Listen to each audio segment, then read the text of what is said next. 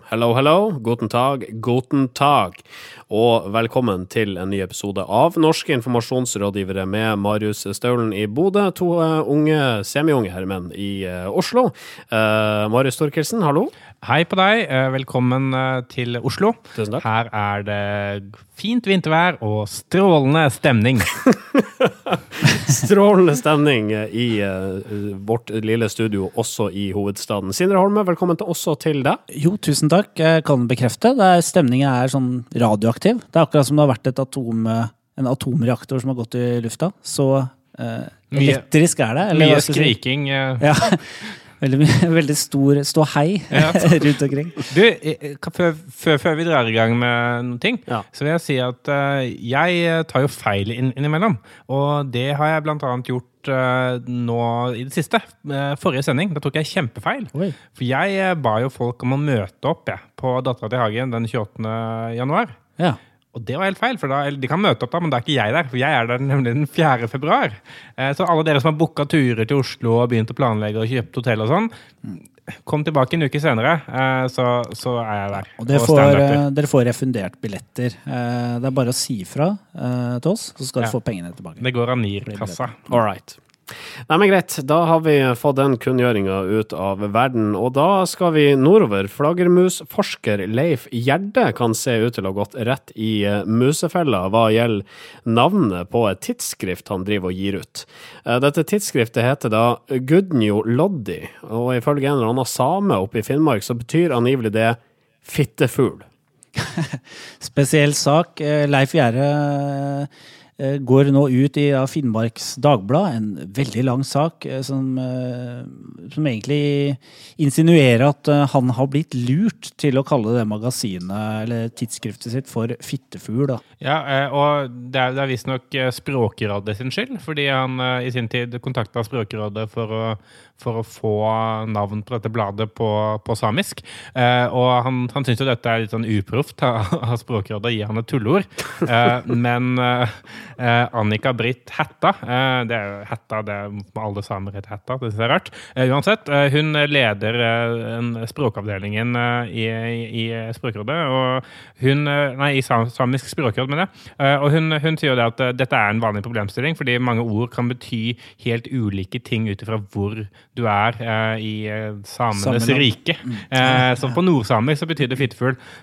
På østsamisk, eller venstresamisk, så betyr betyr det Lulesamisk, ikke? Ja, lulesamisk. Så, så betyr det flaggermus, visstnok. Så litt feil og litt rett. Og det er jo, det er jo uh, interessant, fordi at språk, det, det kommer jo fra uh, erfaringer, på en måte. Eller det bygger på det. Og de sier jo, uh, språkforskerne sier jo at flaggermus er jo ikke et, en type fugl som har tilhold i Nord-Norge opprinnelig. Sånn at den, Derfor så har ikke folk et forhold til til den og ordet. Det er derfor folk ikke har tenkt på det. Fittefugl derimot, det har de gode forhold til der oppe. Ja, fordi at alt uh, kan visst uh, gjøres om til uh, kjønnsorganer. Uh, Visstnok alle, alle ord, ord, kan bety, som vi forstår det da, fra språkforskerne, så kan alle ord egentlig også bety et slags kjønnsorgan. så, så man skal være veldig forsiktig med å bruke samisk, egentlig, i det hele tatt. Samisk betyr jo kuk. Eh. Sametinget, for eksempel. Kuktinget. OK. ok. Uh, jeg tror vi uh, beveger oss over dammen. Barack Obama holdt sin State of the Union foran Kongressen her om dagen. Uh, og som han har gjort mange ganger før, så viser han standup-evne også her. og Vi skal høre et lite lydklipp. og før vi kjører det, så må du huske på følgende. Denne talen her holdes altså foran Kongressen, hvilket betyr at han taler for både demokrater og republikanere. Og det er ikke alt republikanerne er interessert i å klappe for når det er en demokrat på talerstolen. Men nå er klappa de for, som enhver referanse til at Barack er inne i sin siste presidentperiode. Og så har man demokratene, da. De klapper for det meste av det Obama sier, men ikke når han snakker om at han ikke kan bli valgt igjen. Vi hører på der. I have no more campaigns to run. My only agenda I know because I won both of them.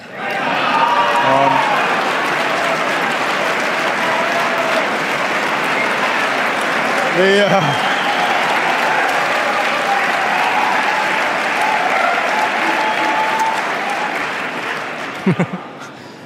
Det, det, det pleier ikke å være så mye gøy i, i Kongressen. Jeg tror De er så sultefòra på en vits at eh, når det skjer, så bryter de ut i uh, spontanapplaus, og så latter.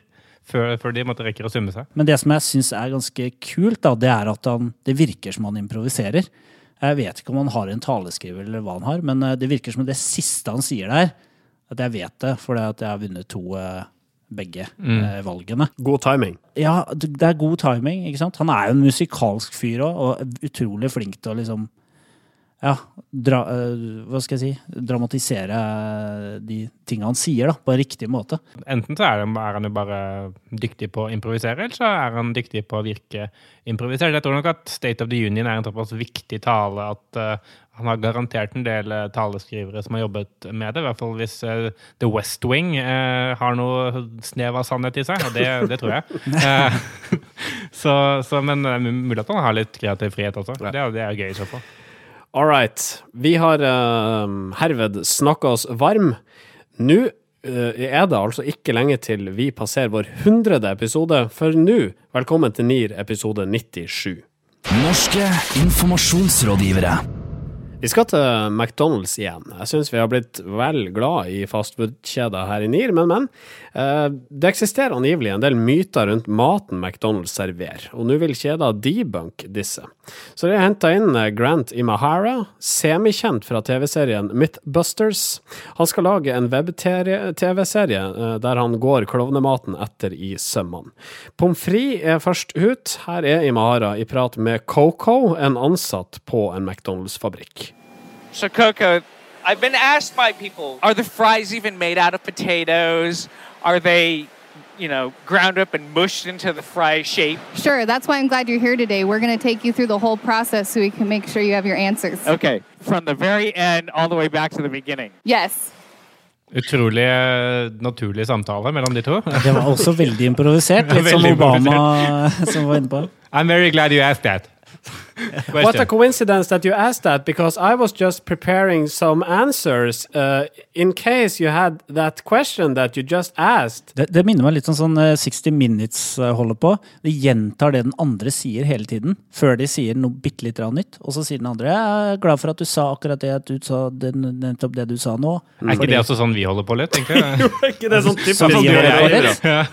Er det sånn vi holder på litt? Ja, jeg føler vi gjør det litt Ja, jeg sånn. føler også det at uh... Man bruker gjerne navnene også. Sånn, ja, jeg er glad at du spurte om det, Sindre. Uh, vi har nemlig planer om å rulle ut denne tjenesten i løpet av nyttår. Veldig godt spørsmål. Ja, en- Det å bruke navn er en slags hersketeknikk. Det er det. Uh, men, men tilbake til McDonald's, så syns jeg det, dette er jo litt eh, prisverdig også. Ja, fordi altså, det er bare at de anerkjenner at det er en del eh, ting ved maten deres som folk eh, stiller spørsmål med. Annet om, om uh, pommes fritesen består av ekte poteter, eller om, om eh, hamburgeren lages bare ved at man tar en sånn en sånn klump med kjøttslim, og så steker det, eh, eller, eller ikke. Det er bare sånne ting som eh, jeg i hvert fall har tenkt litt på selv, og som jeg synes jo, de, de kunne jo valgt å måtte ikke anerkjenne det og ikke ta det opp, men at de faktisk bruker tid og penger på å snakke om disse tingene.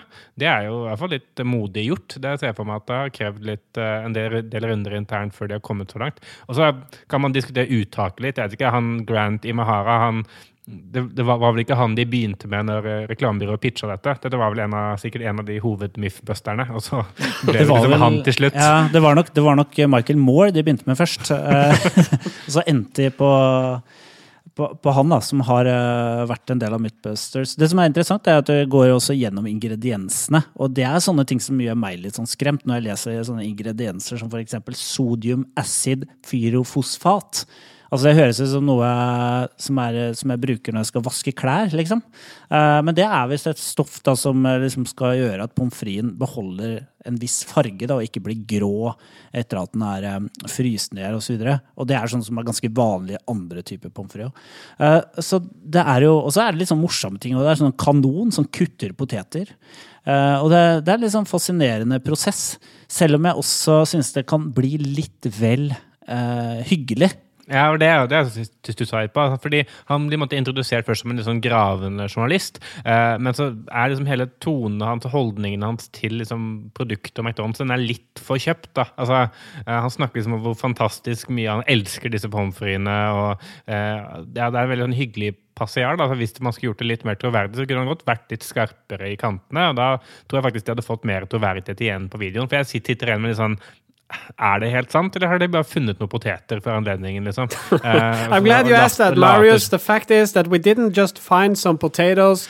Actually, we had them here from before, and now we're going to put them in the potato cannon.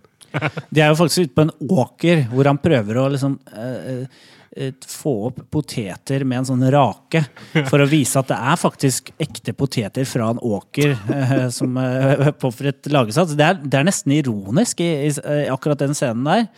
Eh, men samtidig så er det sånn at den tone of voice på en måte funker også ganske Det er ganske balansert. fordi at McDonald's er ikke ute etter å si at de serverer sånn jækla sunn mat, men de serverer ufarlig mat. Det er, mat, det er trygt å spise mat fra McDonald's. Det er det det egentlig vil si. Men uh, vi tar det til uh, votering. Skal vi prøve oss på en tommel opp eller tommel ned for uh, McDonald's sin debunking-kampanje? Jeg gir tommel ned. Jeg synes det, det, det mangler litt på utførelse. Jeg gir tommel opp. Jeg syns det er et eh, godt forsøk, og det er modig. Norske informasjonsrådgivere.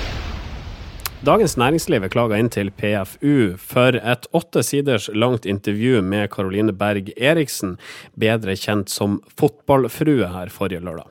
Årsaken til klagen er at journalisten som har skrevet saken, eh, Jonas Forsang, også kjent som rapperen Apollo, skal ha noen habilitetsspørsmålsreisende bånd til denne frua.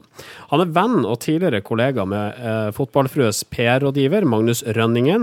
Rønningen er for øvrig innleid til jobben for Eriksen av byrået Friendly Entertainment, som da har Fotballfrue som klient. Og Friendly Entertainment drives under ledelse av Peter Peters, som også har koblinger til journalist Forsang. Det melder Dagbladet. Ja, dette er jo eh, dette er en litt sånn hvem kjenner hvem-lek i, eh, i kjendis- og musikk- og blogg-Norge og Journalist-Norge. Eh, og det, altså det som eh, Magnus Rønningen sier, da, han, han sier da at eh, Oslo er så lite, og at alle kjenner alle innenfor Ring 3. Så det er helt umulig eh, for en eh, journalist eller en PR-rådgiver at de ikke kjenner hverandre fra før. Det, det går nok ikke. Og i tillegg så har, mener jeg at han har jobbet i mange forskjellige publikasjoner, vært i Dagbladet i mange år, så, og, og så videre. Så, så derfor har, har det vært eh, vanskelig å måtte unngå å havne med en journalist som han kjente. Samtidig så, så har jo eh, Jonas Forsang jobbet for Magnus Rønningen i dette mannebladet Alfa. Eh, og det er ikke tvil om at de i hvert fall kjenner hverandre bedre enn de fleste. Og han nok har en bedre relasjon til han enn til mange andre journalister. Så det at eh, dette veldig fordelaktige intervjuet med Fotballfrue kommer så tett på den kontroversen som var med henne for, forrige uke, det, det, det er ikke tilfeldig. Dette er selvfølgelig noen som har trukket i trådene her, det er jeg ganske sikker på. Kan jeg bare få lov til å skyte inn én ting til før vi går videre i analysen? Altså, eh, Apollo er da kjæresten til Vanessa Rudjord, og jeg skulle til å si det, altså at Rønningen får sikkert støtte av Vanessa i sine påstander om at alle kjenner alle innenfor Ring 3, for Rudjord har jo også vært i tilsvarende habilitetsspørsmålsreisende eh, saker tidligere. Ja, Rudjord har jo gått opp løypa for denne, denne praksisen, da, hvor man uh, intervjuer venner og inngår avtaler uh, med de man kjenner, og gir hverandre fordeler. Uh, så dette var jo sikkert Jonas Forsang tenkt dette, dette har jeg også lyst til å teste. Har men, men, men det som jeg mener, det er jo, det er jo ingen tvil om at eh, eh, Berg Eriksen av nyhetens interesse, og at det er eh, interessant med et langt intervju av henne. Men når man eh, Og jeg, jeg er ikke så sikker på at det er noe problem at eh, han, Jonas Forsang, kjenner Magnus Rønningen. Men jeg mener, hvis Altså, hvis du skal være journalist, da, så må du være journalist, og ikke, ikke være venn når du er i journalistrollen. Sånn at uh, hvis han skulle gjøre det intervjuet Egentlig så mener jeg kanskje at han burde fiksa intervjuet og gitt en annen journalist ideen. eh, oppdraget for å unngå spekulasjoner om koblinger.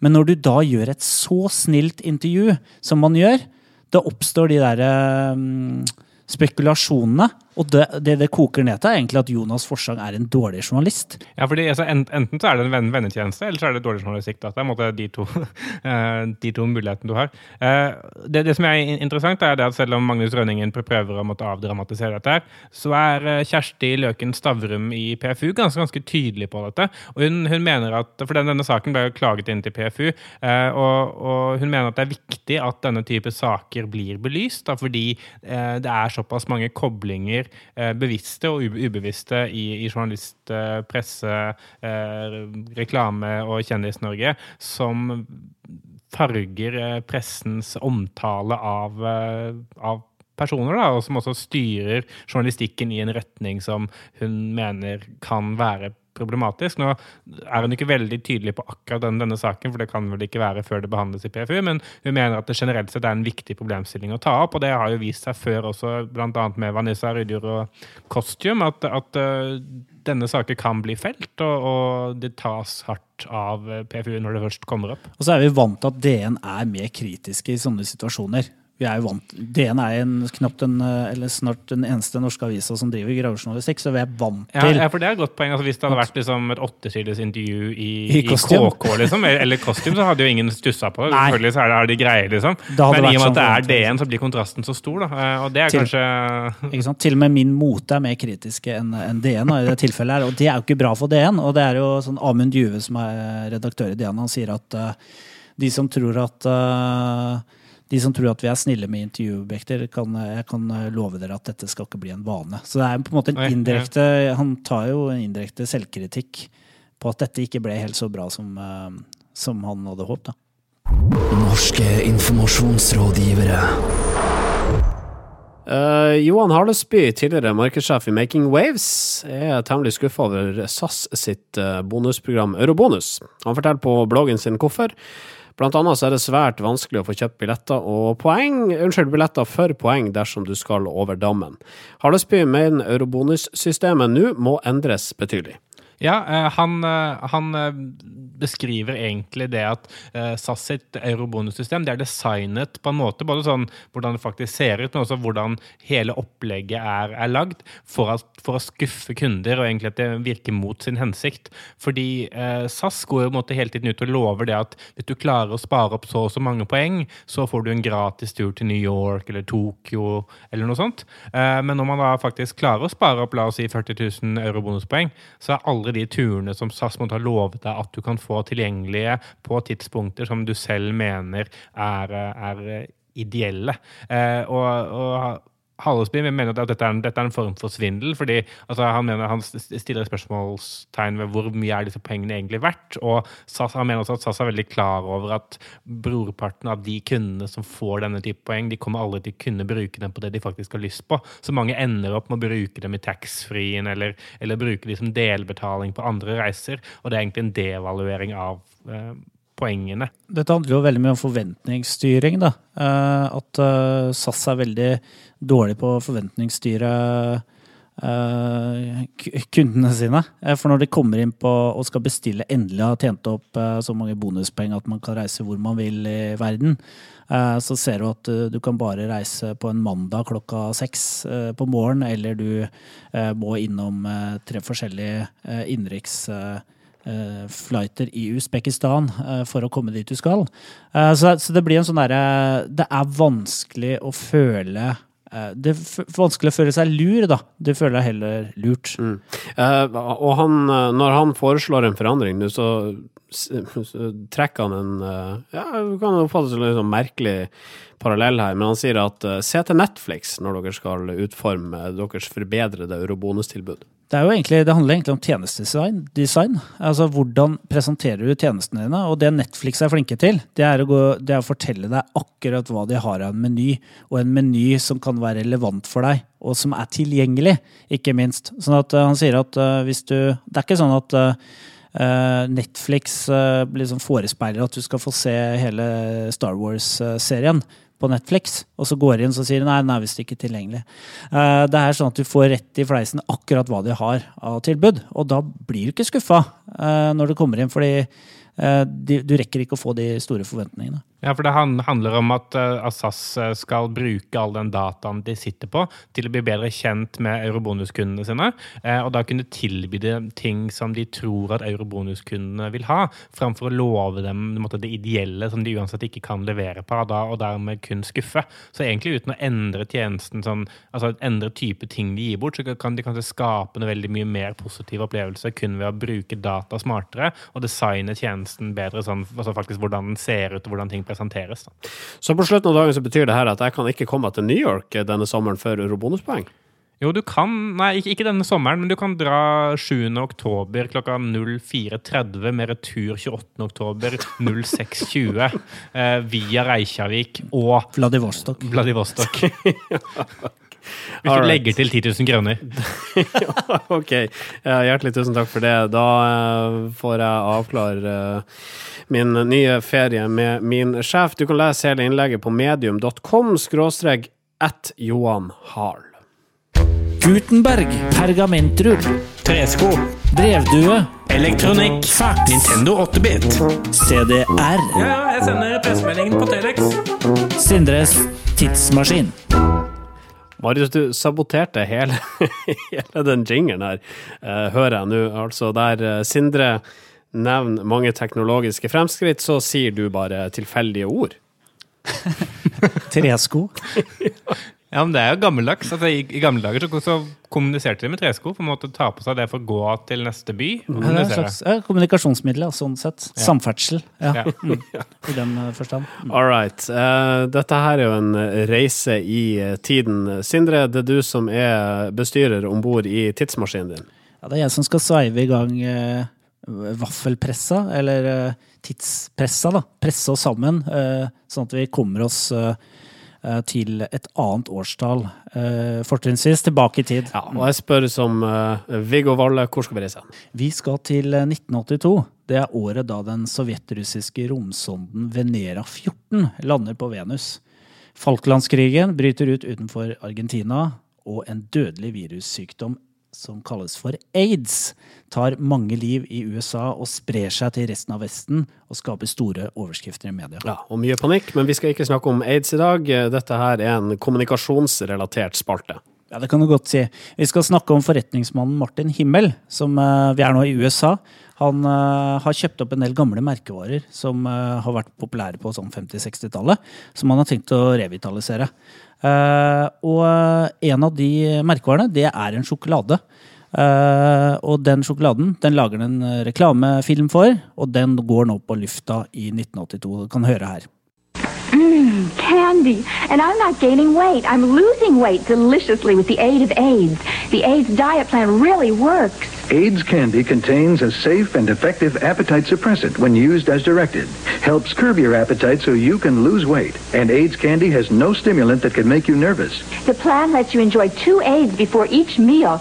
Mmm, delicious chocolate flavor. And I love being a size 10 again. Lose weight deliciously with the aid of AIDS. Det gikk ikke så bra, det der.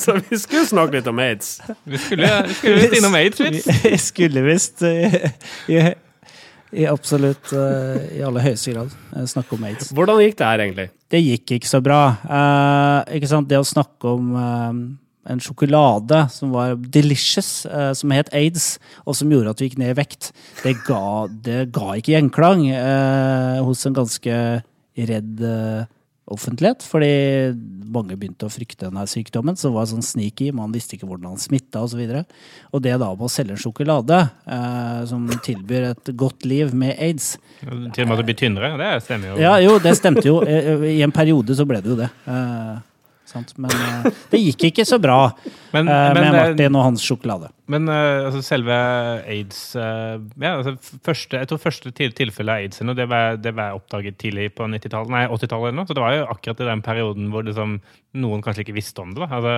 Rett før liksom, hysteriet brøt løs. Man trodde kanskje Så det var sjokolade. Det er jo mildt sagt dårlig ja. timing. Ja. Ja. ja, det er fryktelig dårlig timing. Timing kunne knapt vært dårligere her. Nei, den, eh, det er helt forferdelig. Ja, noen Men- men ganger er du uheldig, rett og slett. Jeg skal bare sjekke om det kunne vært dårlig. Nei, den kunne ikke. Ja, ok, greit. Da har vi lært om sjokoladen Aids fra 1982. Jeg foreslår vi drar tilbake til samtiden. Ja, la oss gjøre det. Samtiden! Ukas kudos. Da er vi tilbake i samtiden, og eh, vi skal dele ut kudosen til dansken Hans Jørgen Wiberg. Han har utvikla appen Be My Eyes til smarttelefoner. Hva er det for noe? Be My Eyes det er en, eh, en app som eh, lar eh, folk som kan se, hjelpe de som ikke kan se. Altså enten de som er blinde, eller de som da er, har et svekket syn. Og det er, en, det er egentlig en form for videosamtale-app, hvor, hvor blinde da kan gå inn på den, den, den appen, trykker trykke på en knapp, sånn er sånn 'jeg trenger hjelp'. Hvordan de finner den, det forklarer ikke videoen, men la oss bare akseptere det. Og da, da blir automatisk da seende som har installert appen og registrert seg som seende, oppringt. Eh, og da kan eh, de som ikke kan se, eh, filme f.eks. hvis det står mellom to bokser med mat, da, hvor én er tomater og én er bønner, og de skal ha tomater, så kan, så kan du spørre hvilken av disse er tomater. Og så kan de som ser, si det er den til venstre. Ja, så tenker jeg at det er ganske fint å som, som, som sjekkeapp. Altså sånn, hvis du er på byen, da. Hvem av disse damene burde jeg ta med meg hjem? Eh, så kan det også hjelpe Ja, det det kan også hjelpe mot ølbriller og sånn. Ølbriller, ja. Ikke sant? Jeg har ølbriller nå. Ser veldig dårlig. Vi bør lage en sånn app! Beer Goggles kan det hete. Du sier noe, altså. Ja. Har du ølbriller? Vi hjelper deg. Samme tjeneste, men med litt Bør jeg ta med hun dama hjem? Ja eller nei? Nei, jeg er klink edru. Jeg kan si at det burde du absolutt ikke gjøre. Kan vi, eh, kan vi eh, ringe en eller annen programutvikler og få det laga? Vi har jo en, eh, Her i Starcom så har vi en eh, glimrende eh, digitalprodusent som heter Chris Eliassen. Jeg tenkte jeg kanskje skal ta det med han, Smice! Eh, så- som, han, som han blir kalt. ja. Ja. Ølbriller heter selvfølgelig. Og Erik og Chris eh, blir jo selvfølgelig sponsorer. De, de blir eh, både st- sponsorer også, sånn, også Og brukere. Ja. Ambassadører. Ja. Da, eh, da har vi en forretningsplan, og det er det her vi skal tjene uhorvelig mye penger på, og pensjonere oss fra hele podkast-tilværelsen. Men det eh, blir eh, litt fram i tid, vil jeg tro. Eh, men kudosen går altså til dansken Hans Jørgen Wiberg for appen Be My Eyes. Norske informasjonsrådgivere. Eh, det går mot slutten. Vi rakk altså ikke å snakke om eh, triggers, eh, påstander og spådommer. De spår nemlig hvilke tolv trender som kommer til å bli gjeldende framover i en sak i kampanje. Jeg er så lei av sånne saker om trender. De er kjempekjedelige, og man må slutte å skrive dem. Fordi eh, det er greit nok at dette kanskje stemmer, men det fins ikke noen åpnere dører å slå inn. Tolv Tolv utfordringer, tolv muligheter og tolv ting til som jeg ikke gadd å lese. Eh, det skriver eh, Preben Karlsson om. Karlsen om. Eh, og, og resultatet er kjedelig. Det er slutt. Men det er likevel eh, helt klart at emosjonell kommunikasjon ikke går av moten. Emosjonell kommunikasjon, snakke med, ikke til. Eh, utvikle tjenester, ikke reklame. Don't be evil. Delingsøkonomi er fortsatt en trend. Ja. Airbnb jeg hørte, hørt, hørt eh, er veldig bra. Men det hørte vi også om for fem år siden. Så Det, det, dette er ikke bare Preben Karlsen sin skyld. Han er bare et offer for sin samtid. Dette skjer jo måte, fra alle bauger og kanter hele tiden. Eh, og man tror at dette er en helt må vanlig måte å dele innsikt på. Nå er det starten av året. Nå må vi lage en trendartikkel. PR-operatøren har gjort det. Kitchen har gjort det. Jeg har lest fire saker på Mashable fra tre ulike sånne reklameguruer i USA som har gjort det. Folk må slutte. Dette går ikke lenger. Jeg tror faktisk jeg skrev en sånn her trend. eh, Ja, det tror jeg også, Marius. Og den var også kjedelig. ja, det var kjedelig. var det, var det podcast som trend? Var det ikke det? Var ikke den du Jo, det var, ja, det var da vi starta podkasten! Ja, ja, ikke sant? Vi starta, vi starta NIR som følge av en trendanalyse jeg skrev i PR-operatørene. Stemmer det? Så der skjøt vi oss Ja. sjøl i beina. Ja, men altså, altså, selv de forferdeligste ting kan ha gode resultater, ikke sant? Eh, så, eller gode, gode utilsikta hendelser. Ja. Så jeg sier, sier ikke at eh, det ikke kan føre med seg noe godt, men jeg bare sier at det er kjedelig. Ja, all right. Uh, og vi rakk heller ikke å snakke om eh, missekonkurransen Miss World, der Miss Libanon er i trøbbel etter at hun poserte sammen med Is Miss Israel på et bilde. Ja, Miss eh, Libanon prøvde å ta et bilde sammen med Miss Japan. uh, Og så kom plutselig Miss Israel inn i bildet. tok et uh, bilde og la ut på Instagram. Hvorfor Hvorfor er det så ble- trøblete for Libanon? Jo, Libanon og Israel er uh, har egentlig aldri blitt venner. Altså det er i, Offisielt så er de i krig med hverandre, selv om de ikke skyter så mye raketter mot hverandre. Så det er veldig ikke populært hjemme i Libanon å være venn med en i- israeler. Men det er vel sånn at Libanon de anerkjenner vel ikke Israel heller? Eller er det ikke sånn at de ikke mener at de eksisterer, eller noe sånt? Altså, så det kan jo ikke finnes en Ja, Miss Israel? Sånn. Ja, men Da er det pussig at Miss Israel er på bildet, i så fall. Ja, ja, det er det, er som er det store problemet. Ja, men hun finnes jo ikke. hvordan, Ja, hvordan? kunne hun være der, da? Så det er pussig. Men eh, ja, det, var, det var et forsøk på å si at, uh, at uh, politikk og fred og krig og sånn uh, ikke er så viktig. Men det er viktig også i missekonkurranser. Tydeligvis. Da, vi, eh, da føyer vi missekonkurranser på lista over samtaletemaer her i podkasten Norske informasjonsrådgivere. Du finner oss på facebook.com slash nearcast, du finner oss i iTunes og på soundcloud.com slash eh, nearcast. Vi, eh, vi omtales også på kreativforum.no. Ja, det gjør vi. Jevnlig. Det det er et, eh, et reklamebasert nettsted helt uten trendsaker. Det, det er Besøk det så ofte du kan.